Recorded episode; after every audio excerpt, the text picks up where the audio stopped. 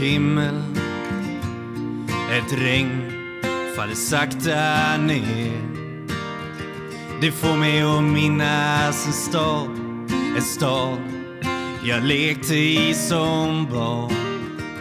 Grågrå människor i svarta, så svarta kläder. Men jag min sorglösa dag, ett vackert minne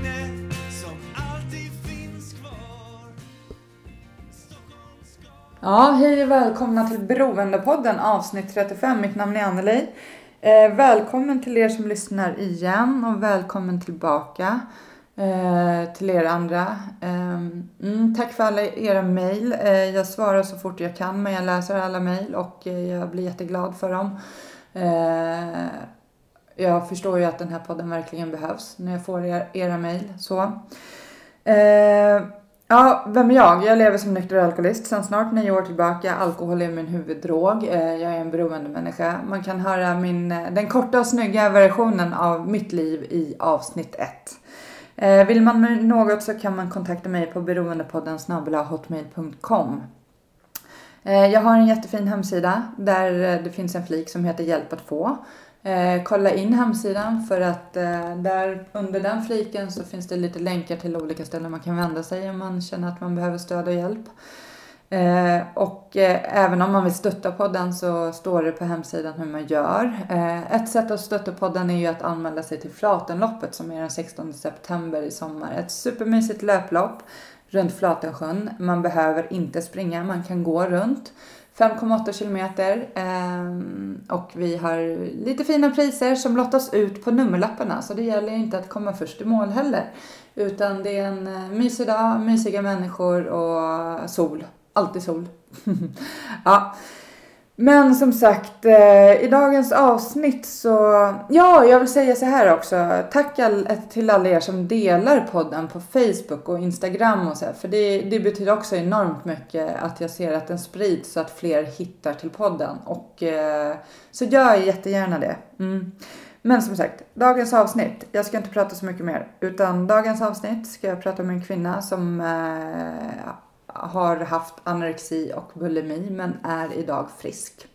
Sen eh, några år tillbaka. Så jag ska välkomna henne in i podden istället. Mm. Ba, ba, da, da. Ba, ba, da, da.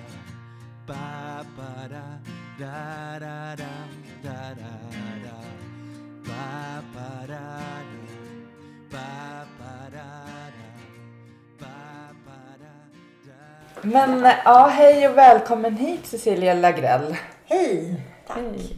Eh, jätteglad att du är här och idag ska vi prata om anorexi och bulimi. Ja. Ja, och du har levt... Eh, du har varit sjuk i anorexi och bulimi. ja, Och, i, vad blir det, 11 år egentligen. ja. Och nu så har du varit frisk i fyra ungefär. Ja, precis. Så du, och du insjuknade väldigt tidigt. Ja, väldigt tidigt. Ehm, jag blev väl som jag blev diagnostiserad i anorexi när jag var 13. Ja. Men hade redan som sexåring tankar om min, min, mitt utseende och att jag var tjock. Mm.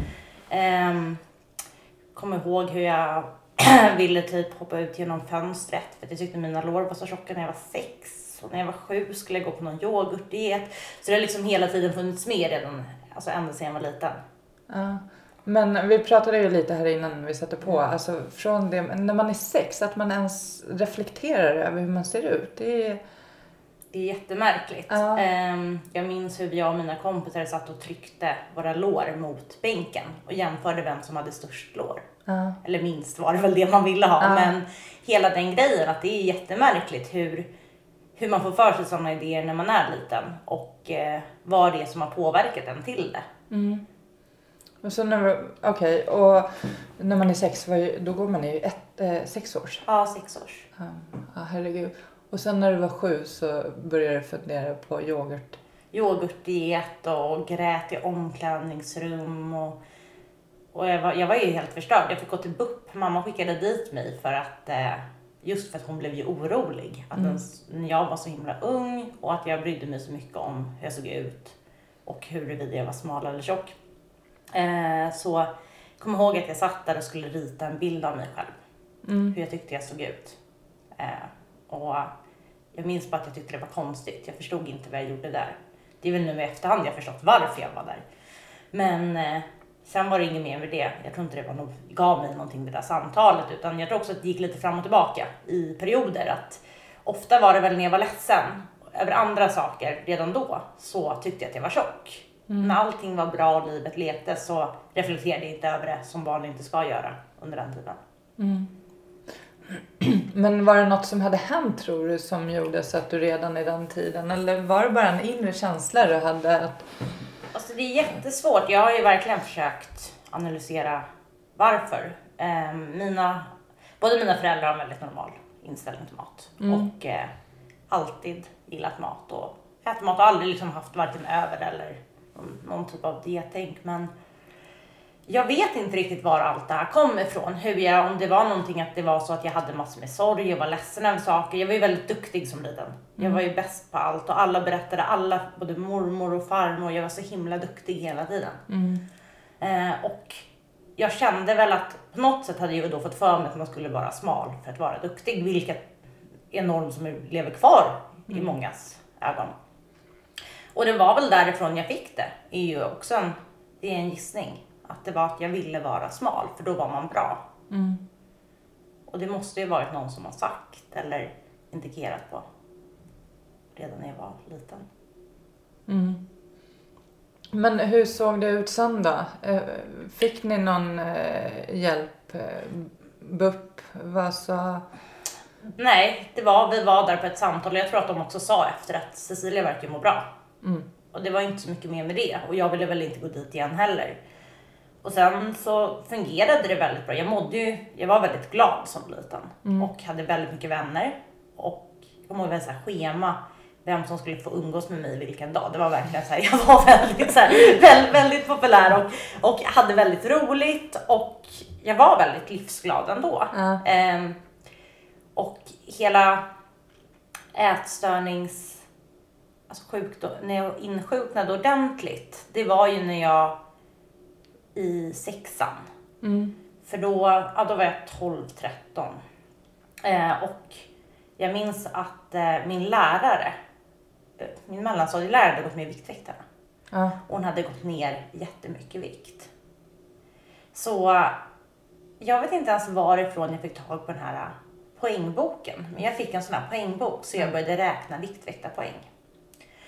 För att, för att gå ner i vikt och började simma flera timmar innan skolan. Då var det bara 12 år. Jag kommer ihåg att jag åkte iväg bara för att få simma. Och lurade mina föräldrar att jag skulle äta frukost där och jag åt ingen skollunch. Så började hela den här hela grejen med att jag skulle gå ner i vikt. Vilket jag också gjorde. Och Men var det övervikt igen? innan, Nej. Utan var det... nej, det var jag inte. Däremot var jag ju inte den här, finns ju olika, just i den åldern också. Jag var ju inte den absolut smalaste i klassen, men jag var inte överviktig. Eh, och när jag väl sen började gå ner i vikt så fick jag ju så otroligt mycket komplimanger. Alla tyckte att jag hade blivit så fin och det var så bra. Och de var nu har Cecilia börjat växa till sig och blivit så lång och smal. Och det var bara egentligen, det var ingen som i början såg någon fara med det här. Och då gick jag ner i vikt ganska snabbt. Eh, och det var väl mina föräldrar som började märka att jag började äta väldigt, väldigt konstigt hemma. Att jag, jag vet inte vad jag höll på med, men jag åt massor med frukt istället för middag och de märkte väl att det inte var någon frukost och så vidare. Eh, Så de, det var de som reagerade först. Och en, jag kommer ihåg att det var en kille i parallellklassen som kollade på mig och bara Cecilia, du kan sluta banta nu. Och då säger läraren som står bredvid bara nej men Cecilia bantar inte, hon, hon har bara börjat bli lite äldre. Så att det var väldigt mycket att ingen ville kanske riktigt se hela att, att jag höll på att bli sjuk. Ehm, men det, mina föräldrar blev ju oroliga och eh, då fick jag gå till skolsystern. Som sa åt mig att jag inte skulle dö av att äta vanlig fil istället för lättfil. Det var ungefär de råden jag fick. Och ja, jag brydde mig inte om det överhuvudtaget. Eh, jag fortsatte ju med min, med min diet som jag tyckte fungerade och som sagt, jag kände mig äntligen fin. Jag, var bra, jag, jag var bra på, jag hade alltid försökt vara bäst i skolan, jag grät om jag fick ett fel på ett prov. Jag var alltid bra på allt och nu var jag även bra på att vara smal. Mm. Och det var, en, det var en väldigt skön känsla och sen är det lite det man hör och som faktiskt stämde att när man börjar gå ner i vikt som anorektiker så blir man nästan lite hög. Det utlöser, någon typ av dopamin eller serotonin eller vad det är. Så jag var väldigt, jag var trött. Jag kommer ihåg att jag alltid höll på att svimma men jag var ändå lycklig. För att jag hade lyckats på något sätt. Tyckte jag själv. Ehm, Men eh, eh, det gick ju över ganska snabbt. De här lyckokänslorna och folk till slut började ju andra reagera också. För jag började ju se för mager ut. Ehm, och, men det fortsatte ändå helt okej. Det gick bra i skolan, jag hade ändå fortsatt umgås med vänner. Eh, hela det, hela sexan egentligen. Och sen var det mellan sommarlovet mellan sexan och sjuan, jag skulle åka iväg på kollo en vecka. Och jag såg det som min chans. Nu slipper jag något tjat överhuvudtaget. Den veckan, ja, kan man säga, gjorde allting tusen gånger värre. Eh, jag vet att jag inte åt på hela veckan och kolloledarna reagerade också. Jag kunde inte ens behålla vatten sen när jag väl drack det för att magen var så helt ur balans. Eh, och när jag kom hem därifrån så hade jag blivit riktigt, riktigt, riktigt sjuk. Och det handlar inte bara om rent kroppsligt utan det var ju psykiskt. Alltså allt, jag fick ju ångest. För det första fick jag bara vanlig ångest. Jag hade inte känt av ångest innan. Men då började mina panikångestattacker ordentligt. Jag bara grät och skrek och slog i väggar. Jag visste liksom inte vad jag skulle ta vägen. Och både i samband med mat och när jag hade ätit, men också utan någon förvarning. Hela kroppen var verkligen ur balans och eh, mitt psyke, det var, jag var ju helt, det, jag kunde sitta och bläddra i så här mattidningar i två dagar i sträck. Och jag tyckte det var helt normalt. Jag tyckte att jag hade blivit matlagningsintresserad. Det var inte så att jag hade tänkt laga något av de där recepten eller att jag tyckte att det var, jag skulle aldrig äta dem heller, utan det var bara så himla, jag var bara så intresserad. Och så här i efterhand inser man ju hur besattheten kring mat. Men då tyckte jag att det var normalt. Det var, man blir väldigt, man, man, man ser inte själv som ätstörd, eller i alla fall jag såg inte själv som ätstörd, hur sjukt hela mitt beteende var. Utan jag såg det bara som, okej jag har lite problem att äta nu, men jag, började inte mär- jag märkte inte hur allt annat i mitt liv förändrades samtidigt. Hur jag blev arg, ledsen, apatisk. Jag hade alltid varit väldigt utåtriktad och social. Helt plötsligt satt jag mest tyst. Jag kommer ihåg att jag, jag mådde bara dåligt egentligen dygnet runt. Mm, och när hela den här äh, karusellen var igång när jag började skolan, ingen kände ju igen mig rent utseendemässigt. Och eller hur jag betedde mig. För att jag var, hade alltid varit just så här, populär bland kompisar, haft stort umgänge. Och nu satt jag helt tyst i klassrummet, klistrad mot elementet för jag frös så mycket. Jag kommer ihåg jag satt med vinterjackan, det var bara höst. Och bara höll i elementet för jag bara skakade för att jag hade så lite underudsvett. Och hela dagarna bara präglades av riktigt mycket ångest. Jag minns hur jag nästan varje dag bara satt och storgrät och slog väggen och slog mig själv. Jag var helt, jag hade blivit helt galen av den här svälten. Jag visste inte längre vad jag gjorde. Och jag visste inte hur jag betedde mig och jag förstod ju att det här inte var normalt att må så dåligt. Men ändå var jag fortfarande vid det här tillfället så var jag nöjd över att jag hade blivit smal. Och många pratar ju om att de ser sig själv som tjocka under hela sin ätstörning. Men jag såg att jag var smal. Och jag var så nöjd med det. Det var en sån här... Jag tyckte att jag hade lyckats fast det var ju liksom direkta motsatsen. Från att ha haft ett, ändå ett bra liv och haft otroligt mycket vänner och varit glad, skrattat mycket. Jag, jag, kommer till det senare, men det tog mig ett och ett halvt år senare och då kom jag ihåg att jag skrattade och då hade jag, då hade jag inte skrattat på ett och ett halvt år. Och det här var ju som sagt inget jag, man blir så inne i sin sjukdomsbild, eller jag blev det. Och eh, hemma satt jag bara, jag hade öppen spisen och stod med händerna ovanför spisen bara för att värma mig. Jag var så iskall. Jag kommer ihåg att jag hade en kroppstemperatur på 34 grader. Mm. Alltså i, när jag tog febern, jag trodde först det här är nog fel. Och så sa de det när jag var hos läkaren. De bara, nej det är för att din kropp inte orkar hålla temperaturen uppe. Så den här hösten var väl någonting av det, de, jag ska inte säga värsta höstarna, det kommit andra hemska höstar därefter. Men jag minns verkligen hur, hur dåligt jag mådde. Eh, och alla tog ju avstånd från mig också. Det var ju när vi började bli, komma upp i, alla höll på att bli tonåringar och jag menar jag var ingen kul att umgås med. Jag satt ju bara tyst i ett hörn och frös. Och ingen kunde egentligen nå fram till mig för jag var så energilös och apatisk. Men ehm, då fick jag ju komma in på en typ av dagvård. Eh, Ätstörningar hade väl precis börjat bli ganska känt då, att det började öppna en del kliniker och så, men det var ändå inte så stort som det är idag, att det finns, fanns så mycket så specialistkliniker. Och jag kommer ihåg att jag fick börja på en nyöppnad dagvård på Stockholms centrum för ätstörningar. Och eh, den hjälpte ju inte överhuvudtaget, för att jag kom ju dit och så fort de skulle servera mat så la jag mig på golvet och skrek. Så jag liksom, kunde jag, jag åt ändå inte.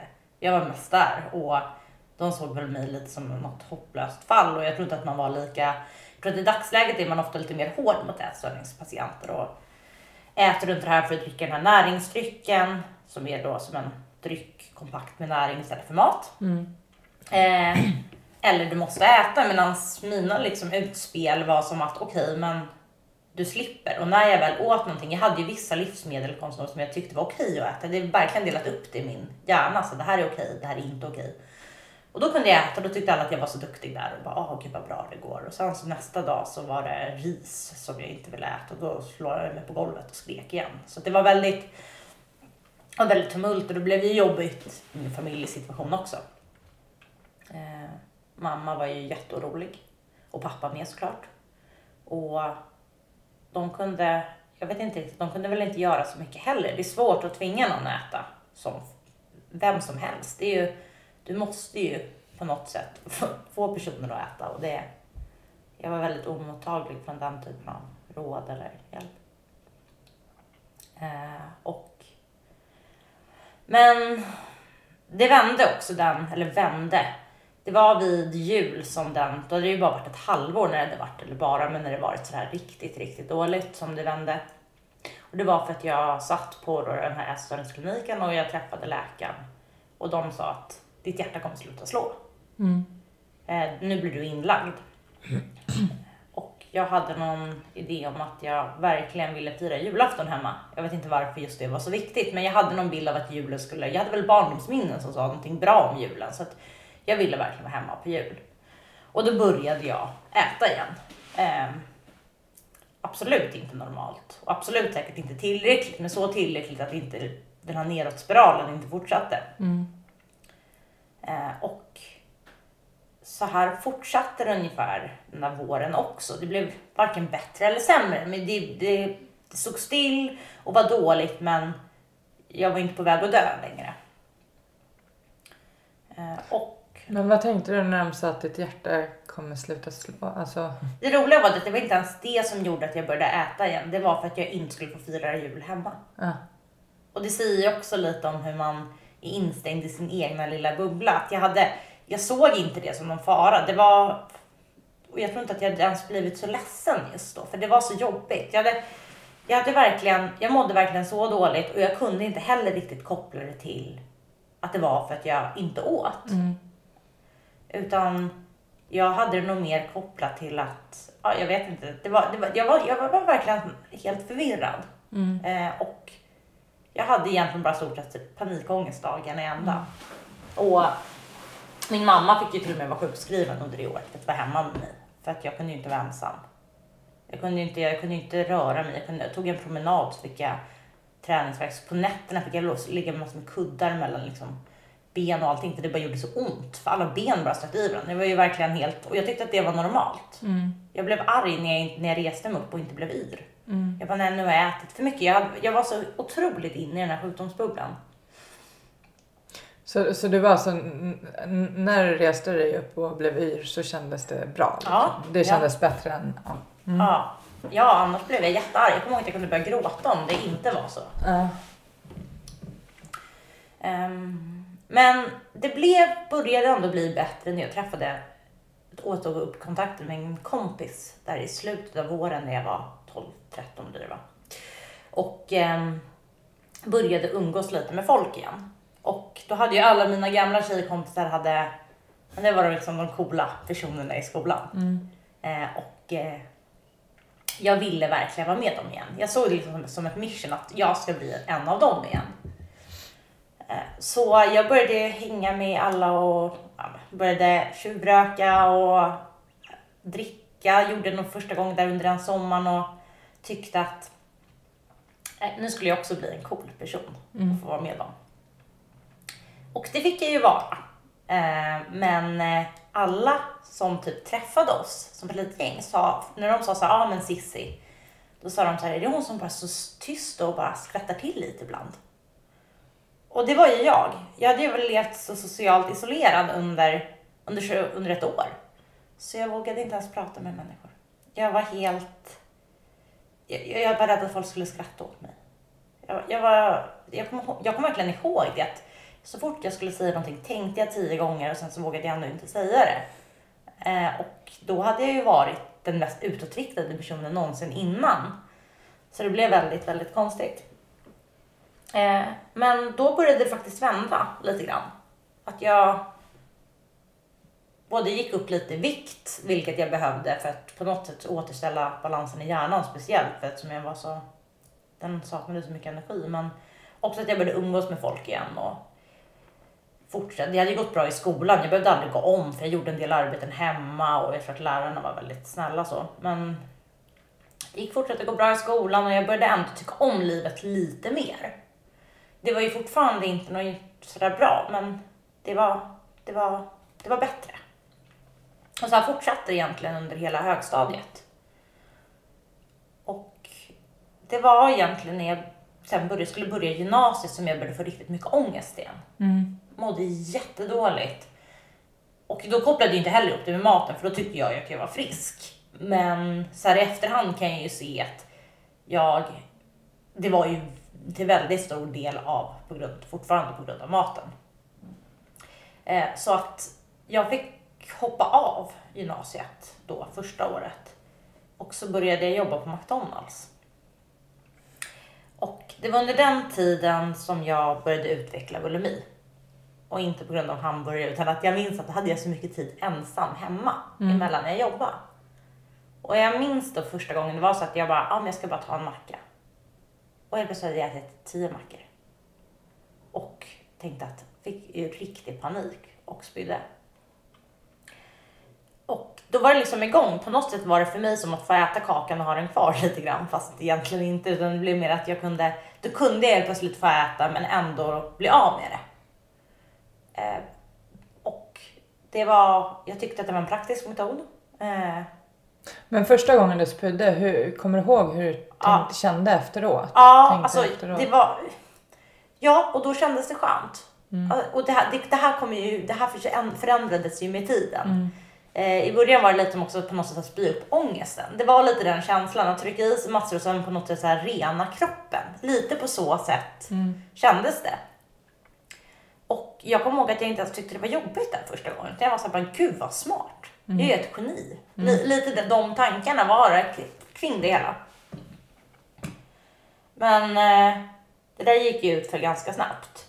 Jag slutade jobba på McDonalds och undrar om det var då, ja nu är jag inte helt säker på åren, det spelar egentligen ingen roll, men eh, nej det var året efter så, ja det gick inget bra det året. Jag mådde bara skit och jag kommer ihåg att mina vänner började säga det sår över hela knogarna för att jag hade spytt så mycket, det stött i tänderna. Folk bara, har du varit slagits? Liksom. Det var så att, och uppsvälld i hela ansiktet och det var verkligen, och sen så mådde jag ju också riktigt dåligt.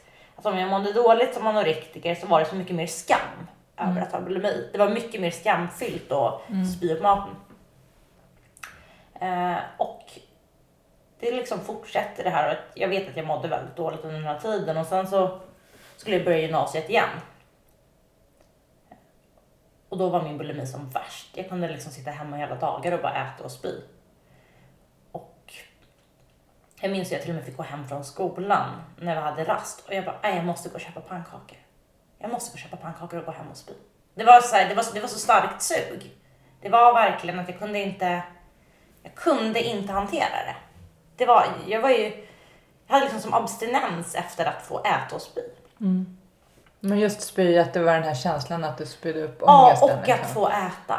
Ja. Att verkligen få äta det jag tyckte var gott och socker och söta Mm. saker och bara allt som var jag hade haft som förbjudet. Men blev det ett lugn därefter? Mm. Och hur länge höll det lugnet i sig då? Det var typ bara ett tag och sen kom ångesten. Det var då Mm. ångesten började komma och tänka så här: okej men undrar hur många av de här kalorierna jag behållit som jag åt att liksom eftersom ja, det är egentligen oviktigt hur, hur det tas upp av kroppen men jag visste att en del av kalorierna faktiskt behövs. Mm. Och det gjorde att jag fick jättepanik efter det här lugnet. Först den här liksom nästan som att gå in i er- erofoni och bara få äta det jag tyckte var gott och bara trycka i mig.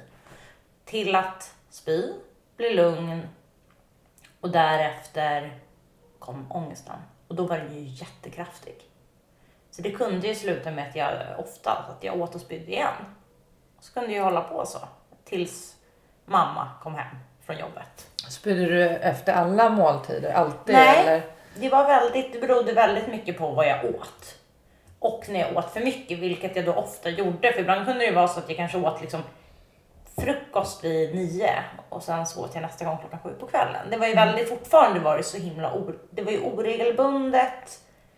Och det var, ja, så att jag spydde inte upp allt. Men jag spydde upp när jag hetsåt och det var ju dagligen. Men trodde dina föräldrar att du hade blivit frisk här när de såg att du åt helt plötsligt? Eller? Mamma förstod ju eftersom, jag menar halva skafferiet uppätet varje dag. Alltså det var ju lite så här, hon sa det, hon har sagt det till mig nu i efterhand, men jag har aldrig haft så dyra matkostnader. Det var ju lite det, jag menar jag åt ju upp allt. Ja. Jag kunde ju äta precis vad som helst. Jag kunde sitta med liksom, ta, göra fyra portioner havregrynsgröt när det inte fanns någonting kvar och ha kanel och socker på. Som inte ens, alltså jag menar, det var ju bara för att ha någonting. Och där kommer väl lite in att det kanske inte bara var att det var gott. Först var det det, men sen var det också bara på något sätt att bara att få fylla mig och sen få upp det. Eh, så att det var ju, ja, så hon började ju märka. Pappa tror jag inte märkte faktiskt. Utan det var, ja, och jag tror att vissa av mina vänner började märka också. För vi kunde ju sitta tillsammans och äta och sen så ville jag skicka ut allihopa. Mm. Suttit och ätit mackor hemma hos mig och jag bara, alla såg hur många mackor jag åt. Jag bara, "Nej, men ni måste gå när mamma kommer hem och så ville jag gå och spy. Mm. Och de började misstänka någonting också. Var det så att de sa något då? Eller? Ja, det var speciellt en vän minns jag som verkligen var som så här, hon kom och ringde på dörren igen, du vet jag förstod. Mm. Och jag bara ställde mig i duschen och bara låtsades att jag inte hörde och spydde i duschen. Det gjorde jag också jätteofta just för att jag, då hördes det ju inte när jag Nej. gjorde det. Det är ju så här, det bara hemskt hela, he, hela grejen. Eh, och det var verkligen det att ångesten var så himla kraftig då hela tiden. För det första för att man visste att jag hade ju fortfarande så mycket så här anorektiskt tänk kvar att jag ville begränsa mig. Mm. Och det var ju lite det jag försökte med också. Att när jag hade spytt så en dag så var det att nästa dag ska det gå bra. Och jag var inne på massor med hemsidor och läste om massor. Samma som med ätstörningssidor nästan. För bara för att bli peppad. Jag bara okej men klarar de det så klarar jag det. Jag har ju klarat det förut. Och bara jaha imorgon ska jag bara äta så här. Och det spårade ju alltid ur. Mm. Så att det var ju bara, det var ju en ond cirkel. Och jag hade levt så länge med ätstörningarna så jag visste egentligen inget annat. Så men eh, jag kom in på en behandling hösten efter och började må ganska, må ganska bra där. Eh, den behandling som jag faktiskt blev frisk av sen också. Eh, Men var det du som sökte då själv Mm. eller kände du att... nu kommer inte jag ihåg, det har varit så många turer med det här, men jag undrar om det inte var så eftersom Stockholms centrum för ätstörningar hade funkat, det här var Mandometerkliniken jag kom till sen. Mm. Så jag gissar på att det var jag som sökte för att jag var så trött på de här Mm. på det här livet. Och eh, jag blev ju, kom in ganska snabbt och då hade jag precis börjat om gymnasiet igen. Men de var också du kan ju inte gå i skolan. Jag menar springer man hem på rasterna för att äta pannkakor så jag menar, det funkar ju inte. Mm. Och liksom inte kommer tillbaka för att jag tyckte att jag hade viktigare saker för mig.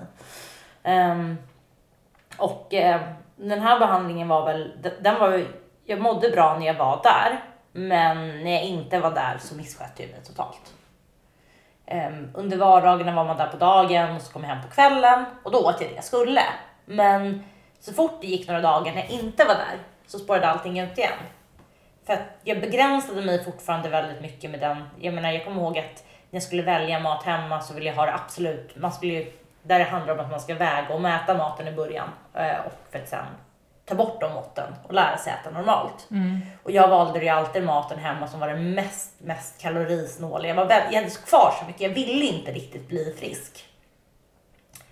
Så den fungerade ju bra medan jag var där och sen så fungerade det inte alls helt enkelt. Um, så att det fortsatte väl egentligen efter, jag, jag tror jag var där nästan ett år och så sa de att, jag tror att det var de som sa till mig att du sköter inte det här. Mm. Du måste göra det annars kan vi liksom inte, vi har gett dig så många chanser. Du måste försöka och vilja det här själv. Och jag var väl inte helt, jag var liksom, nej men då skiter jag i det. Nu vill jag, då hade jag precis fyllt 18 tror jag också. Jag var såhär, nu vill jag leva mitt liv. Nu ska jag ta igen allt, alla jobbiga år jag haft. Nu ska jag kunna gå ut och festa, nu ska jag hänga med mina kompisar. Typ ingen ska kunna styra mig. Så att eh,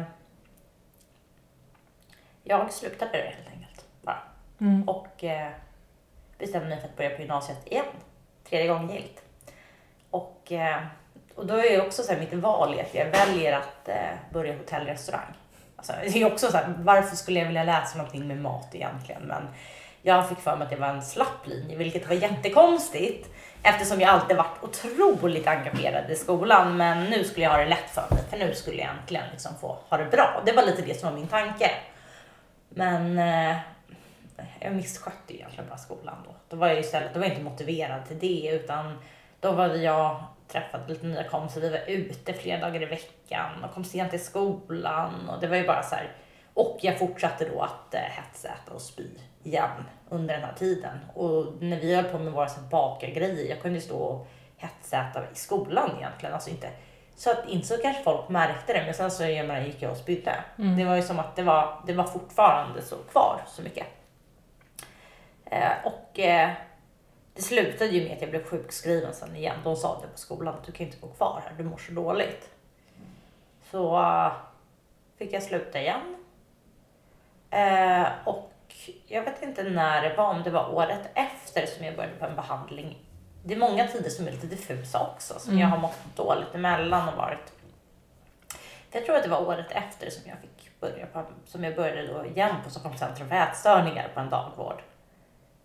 Och det fungerade egentligen inte heller något bra. Det var ju väldigt mycket, mycket psykologiskt när det handlar om att man måla och man ska ha mindfulness och sådär. Och kanske inte så mycket fokus på maten utan man skulle äta, de sa så här, så här ska ni äta, men det gjorde ju inte jag. Det kanske var det som också var problemet i den här behandlingen, att inte den heller funkar, men jag bara, jag kan hoppa över frukosten och jag kan göra så här och hade min egna lilla plan varje dag ändå. Så det hjälpte väl inte heller sådär jätte jättebra, om man nu ska säga så. Mm. Eh, men eh, efter det här så började jag jobba och eh, livet flöt på i några år. Det var, jag gick inte några mer behandlingar, jag åt fortfarande väldigt konstigt, jag spydde väldigt mycket men det fungerade och utåt sett, jag tror att alla trodde vid den här tidpunkten att jag var frisk. Mm. För jag såg frisk ut, jag var normalviktig, jag gjorde saker men jag var ju fortfarande så sjuk. Men då syntes det inte och det är väl det som är lite förrädiskt med bulimi och andra typer av som ätstörningar som inte är anorexi, att de inte, de syns inte Nej. utifrån. Mm. Utan eh, det blir som dolt och det blir så mycket skam i det också. Att, jag, menar, jag kom helt slut till jobbet alla bara har du sovit dåligt? Jag har suttit uppe till fyra och ätit och spytt. Ja, men det är ju inte så här, men det kan man ju inte säga. Utan det är istället så här, så hittar jag hitta på massor med konstiga grejer som hade hänt bara för att, ja, bara för att jag mådde så dåligt i det här. Eh, och eh, ja, jag flyttade till Spanien däremellan och trodde att jag bara, ja men jag jobb- jobbade där ett halvår och var så att jag bara, nu kommer jag kunna bli frisk för nu byter jag miljö. Och det funkade ju inte alls Nej. heller, utan det var ju samma, sam, samma grej där egentligen fast det var Vissa perioder var det bättre när jag bodde med andra människor för då kunde jag inte spy och det, det hängde liksom lite upp mig på andra också för jag trodde att de skulle kunna hindra mig. Jag vågade ju aldrig vara ensam.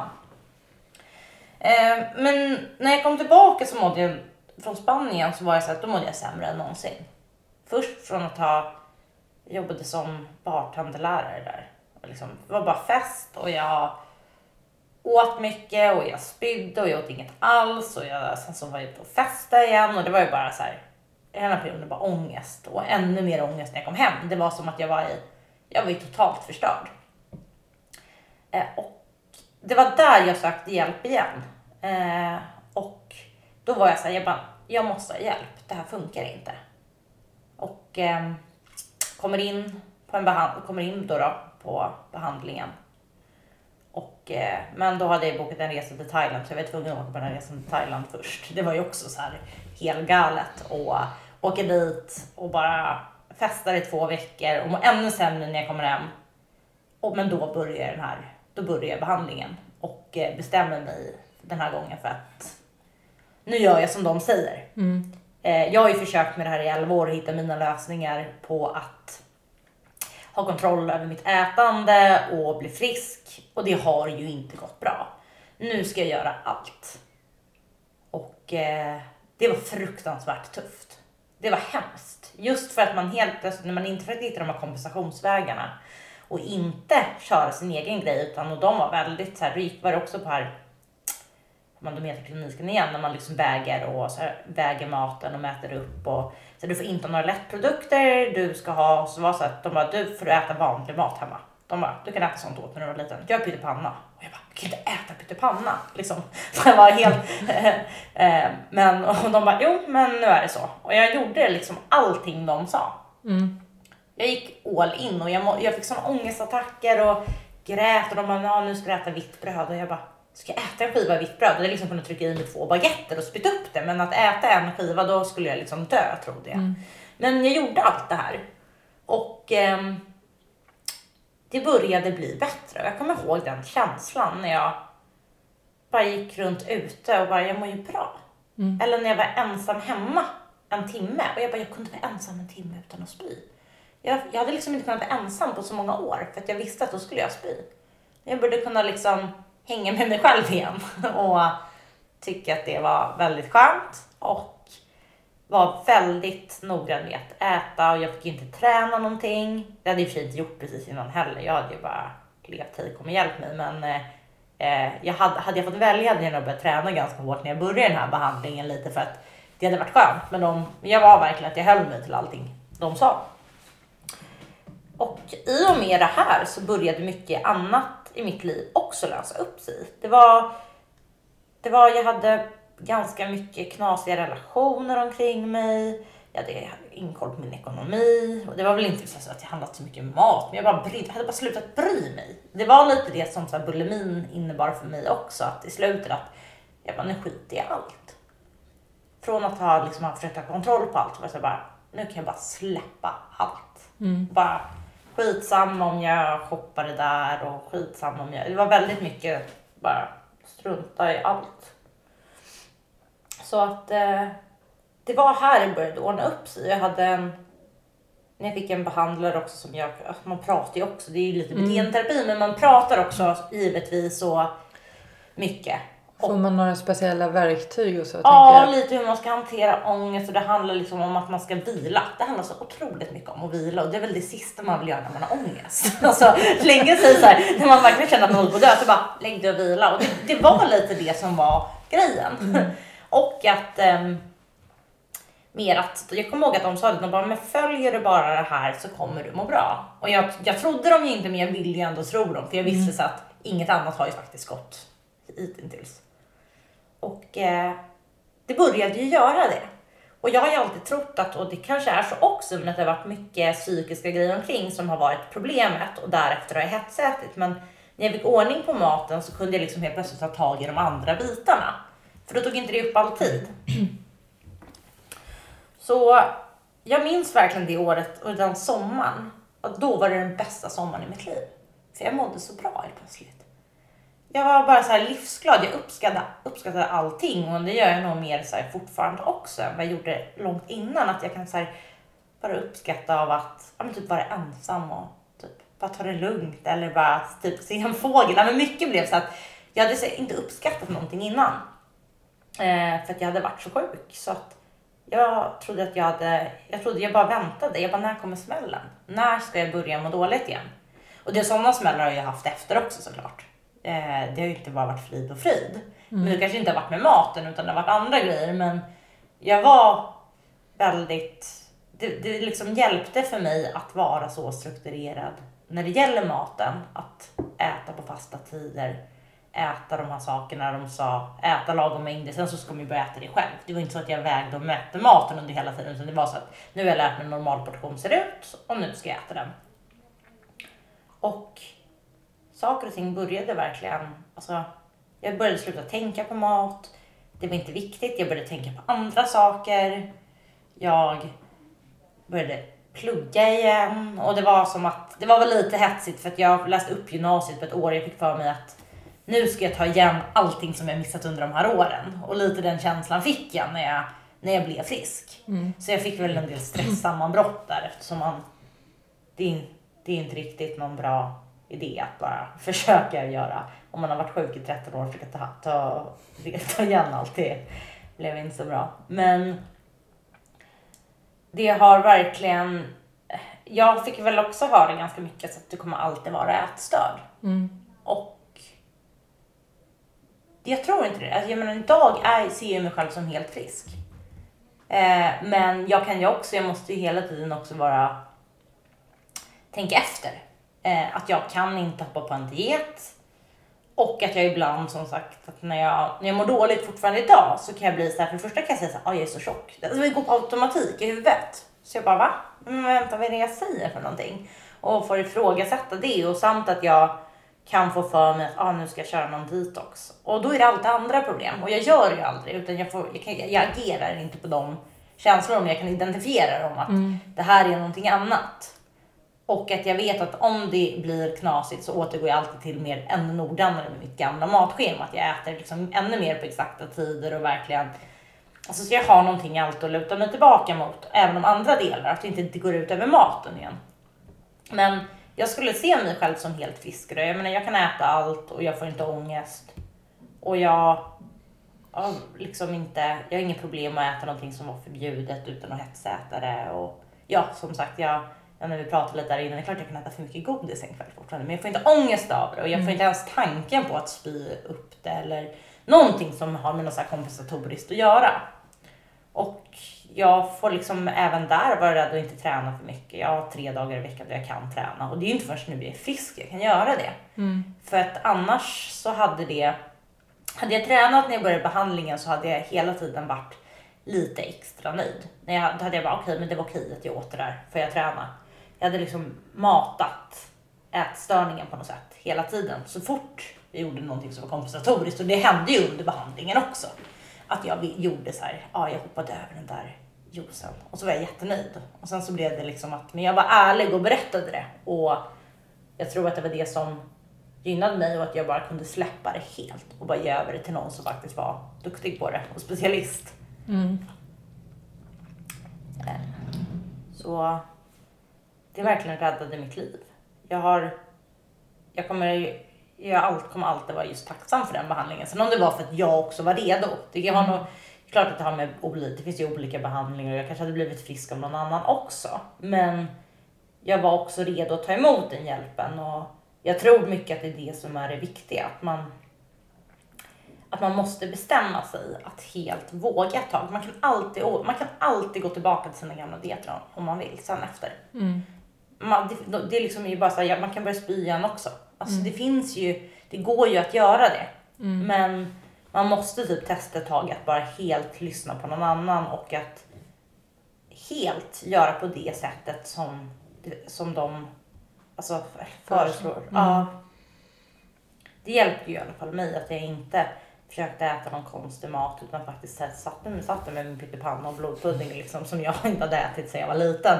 Och det var lite den här med att det spelade inte så stor roll längre. Det var näring, det var mat. Mm. Men jag som tycker att det är gott också. Så det var ju det. Jag hade inte valt, det var mycket jag inte tyckte om när jag började den här behandlingen. Eh, väldigt, väldigt mycket. Och det var ju inte det att jag inte tyckte om sakerna.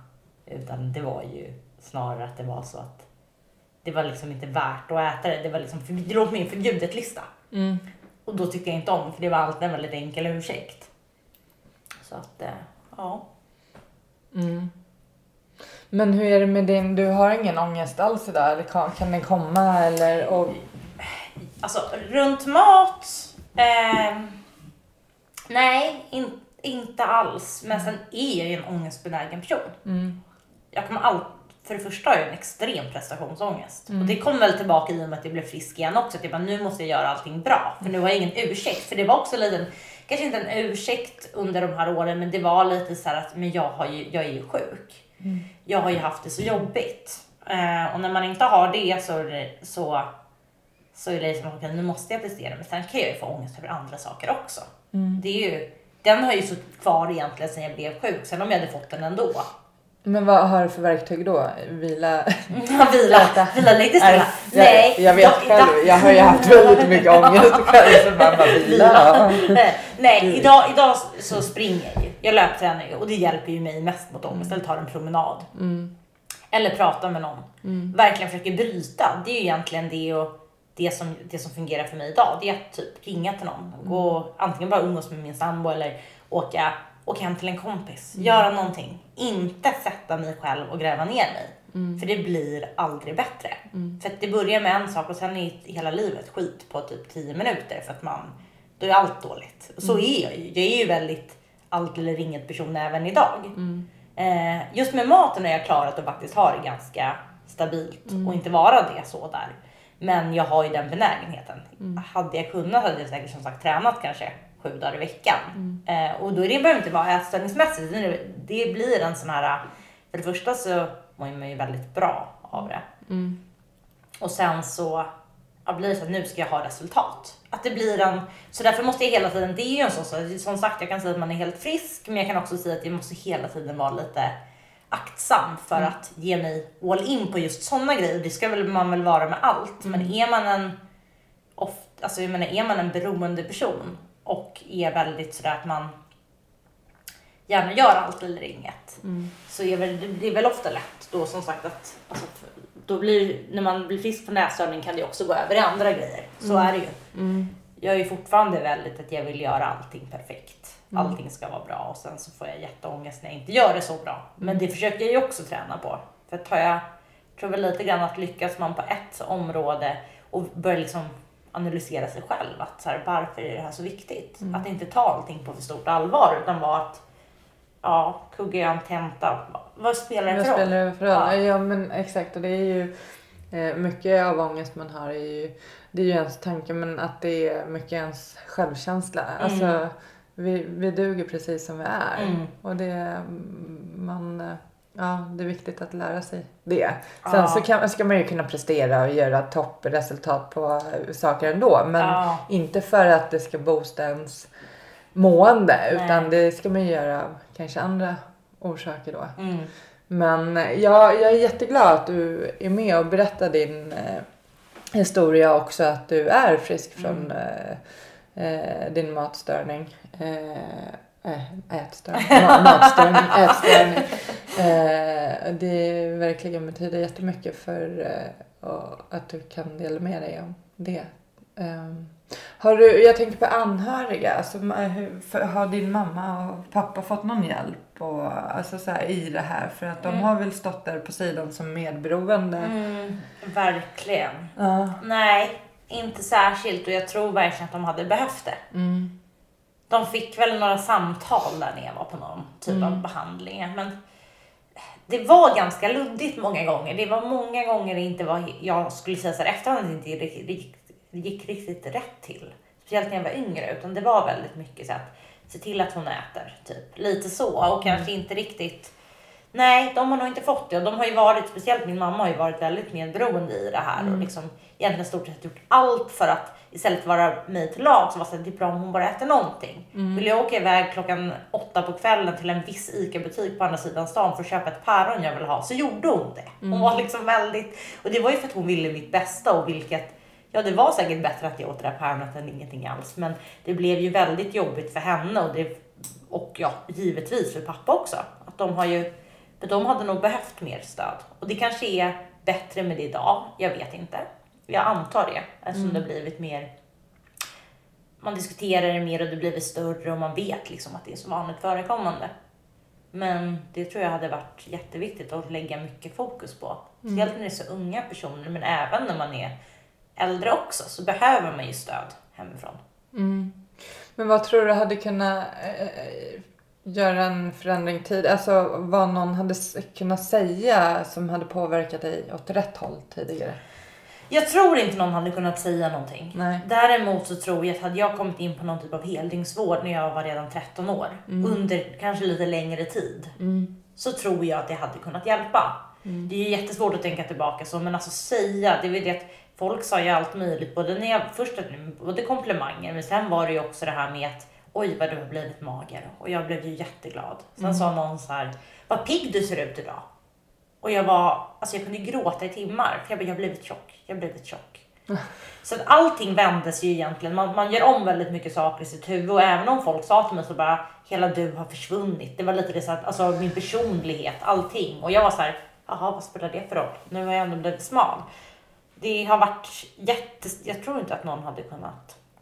Men vad, ja, för vad, om man eh, har en vän som har an anorexi, Mm. vad, vad bör man inte säga? Alltså vad triggar igång? För, för som Ja. du säger, det man säger till dig vändes ju liksom. Ja, ja, men man ska inte säga dig. någonting tror jag hur någon ser ut. Ingenting så att den ser, det spelar ingen roll om det är positivt. Så här, Mm. ah, men du ser ut att må bra eller ja ah, gud, så här, du, men vad, vad som än har med utseende ska man undvika. Och sen tror jag att man verkligen ska vara på och våga säga saker. Att inte vara, många blir ju ganska skygga och är Mm. rädda utan säga så här, typ, men snarare är det så här, hur mår du egentligen? Mm. Typ, jag tycker du ska söka hjälp. Och jag, för jag tror att ätstörningar är generellt väldigt svårt att ta sig ur ensam. Mm. Det, går, det kanske finns vissa, men då tror jag också att det kan ligga kvar. Jag tror man måste ha professionell hjälp i Mm. de flesta fall för att kunna bli frisk. Och därför tror jag att det är väldigt viktigt som vän, förälder eller anhörig på något sätt att faktiskt våga säga någonting och vara liksom rakt på sak. För det vet jag när folk var till mig. Och det kunde typ bli lite arg först, men sen sjunker det ju in och man vet att folk har rätt. Att det inte är normalt, att det är typ man är ju värd må bra och det gör man inte, men man måste. Det är just det, man måste våga prata om det mer. Va, och vart vänder man sig? Vart finns det för ställen? Först Som, finns det eh, Stockholms centrum för ätstörningar. Eh, de har ju både allt möjligt från dygnet runt vård till dagvård och så. Eh, sen det finns något mer ställe som jag inte har så bra koll på, men sen så är det där jag var på Mandometerkliniken eh, som är mer, det är mer ätfokuserat. Eh, och det är ju lite skill- det är ätfokuserat på Stockholms centrum för ätstörningar också. Så det är lite olika metoder. Men jag tror att alla behandlingar egentligen är bra. Jag om man är om där, man är, om man är ja, redo. Om man är där hjälpen. och redo Ja. eh, så tror jag att alla behandlingar är bra. Eh, och att det är väl lite det att man kan ju jobba på många olika sätt, men jag tror att det viktigaste är att man börjar äta och att man inte kompenserar och sen får man ta de andra problemen sen. Speciellt om man är anorektisk fungerar ju inte hjärnan. Det är ingen idé att ens börja med någon typ av att gå till någon psykolog skulle jag säga när man är så pass underviktig för att man är inte mottaglig. Och även kan det vara så när man har bulimi tror jag också just att man är så inne i mattänket. Man måste först komma igång med ett normalt ätbeteende innan man kan, om man, innan man kan fokusera på andra problem. Det tror jag är det, är det viktiga. Så att både de ställena, så Capio heter det, ett till ställe som jag faktiskt aldrig har varit på. eh, men som också, jag tror att de jobbar lite liknande som Stockholms centrum för ätstörningar vad jag förstår det som. För de är lite liknande just att det är mycket mer alltså, psykologhjälp egentligen, och mycket mer sån typ av, ja men mer bildterapi och sånt där. Medan som sagt, Mandometerkliniken är mer ätbeteendefokuserat. Så. Så att det ju, finns ju både allt från som sagt dygnet runt vård till dagvård det finns ju öppenvård också.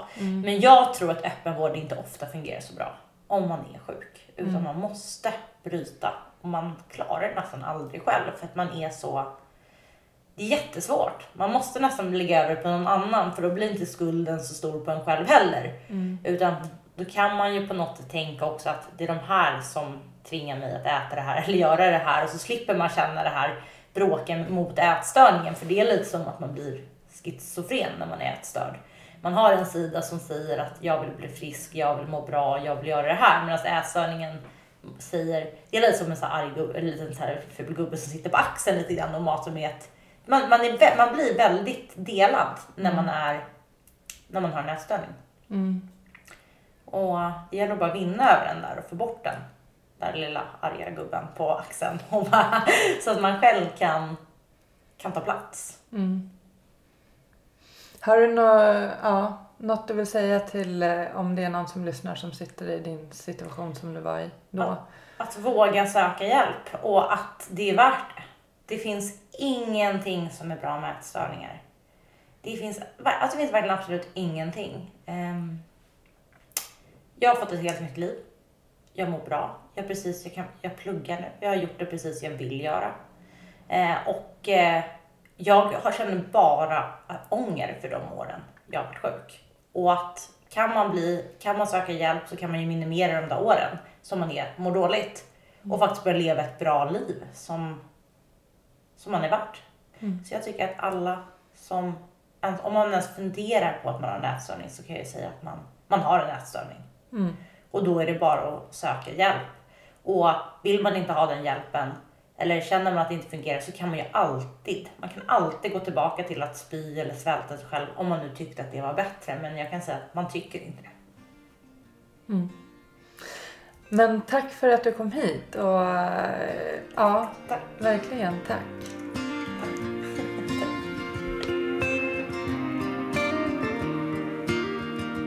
Mörk himmel ett regn faller sakta ner. Det får mig att minnas en stad En stad jag lekte i som barn.